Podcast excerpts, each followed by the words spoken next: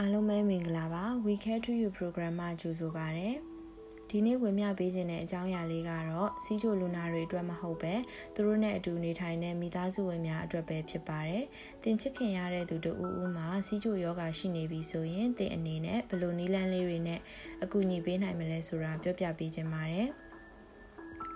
အားပေးစကားပြောဖို့မမေ့ပါနဲ့တင်ချစ်ရတဲ့သူဟာတနေ့တာအတွင်းဆရာဝန်ညွှန်ကြားသည့်အတိုင်းကျန်းမာရေးနဲ့ညီညွတ်စွာစားနိုင်မယ်လေ့ကျင့်ခန်းလုပ်နိုင်မယ်စေဝါမပြတ်မကွက်တောက်နိုင်မယ်ဒီလိုလေးတွေလှုပ်ဆောင်နိုင်တာနဲ့အားပေးစကားပြောပေးပါအကယ်၍ပြက်ကွက်မှုတစုံတရာရှိခဲ့ရင်တော့နားလည်ပေးပြီးဖေးမှာပါစိတ်သက်တကြွမှုရှိစေရန်အပြုသဘောဆောင်သောစကားများကိုများများပြောဆိုပေးပါယောဂအကြောင်းနားလည်ရန်သင်ကိုယ်တိုင်လေ့လာပါ စီးချိုယောဂအကြောင်းသူနှင့်အတူလေ့လာခြင်းဟာမိသည့်အချိန်တွင်လူနာအားမိခဲ့သို့ကူညီရမည်ကိုပုံမသဘောပေါက်သိရှိစေပါသည်။ဥပမာသွေးတွင်းတကြားတဲ့အလွန်မင်းကျဆင်းခြင်း hypoglycemia ၏လက္ခဏာများကိုသိထားခြင်းဖြင့်အရေးပေါ်ဖြစ်ပွားလာပါကချက်ချင်းသိနိုင်မည်ဖြစ်ပြီးဆေးရုံဆေးကမ်းမရောက်ခင်ကူညီဆောင်ရှားမှုပေးနိုင်မည်ဖြစ်ပါတယ်။ကိုလက်လှောက်ရှားမှုအတူတကွပြုလုပ်ပါ ကိုလက်လက်ကျင့်ငန်းလှုပ်ခြင်းသည်စီးချိုရှိသူများရဲ့မကကျန်းမာရေးအတွက်လူတိုင်းပြုလုပ်သင့်ပါတယ်ထို့ကြောင့်တနေ့တာအချိန်အနည်းငယ်ပေးပြီးစီးချိုရှိသောတင်မိသားစုဝင်တင်ချစ်ရသူနှင့်အတူ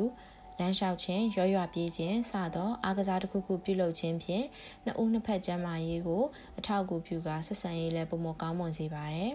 ။ဆရာဝန်ရချင်းများကိုအတူတကွသွားပါ။ ဆရာဝန်နှင့်ပြသမိရက်ကိုအတူတူလိုက်ပါခြင်းဖြင့်လူနာ၏အခြေအနေကိုပုံမသိရှိနိုင်မည်ဖြစ်ပြီးလူနာအားစိတ်ခွန်အားဖြစ်စေပါတယ်။ဒီအပြင်ပြရမည့်ရက်ကိုတင်ဘက်ကဥစွာတတိယနေခြင်းတတိပေးခြင်းကလည်းလူနာပေါ်အလေးထားကြောင်းကိုပုံမပေါ်လွင်စေပါတယ်။တစ်ဖုန်းထဲတွင် reminder အနေဖြင့်မှတ်သားထားခြင်းကလွယ်ကူစေပါတယ်။စီးကြိုရှိသူများဖြစ်တတ်သောစိတ်ခံစားချက်များကိုလေ့လာထားပါ။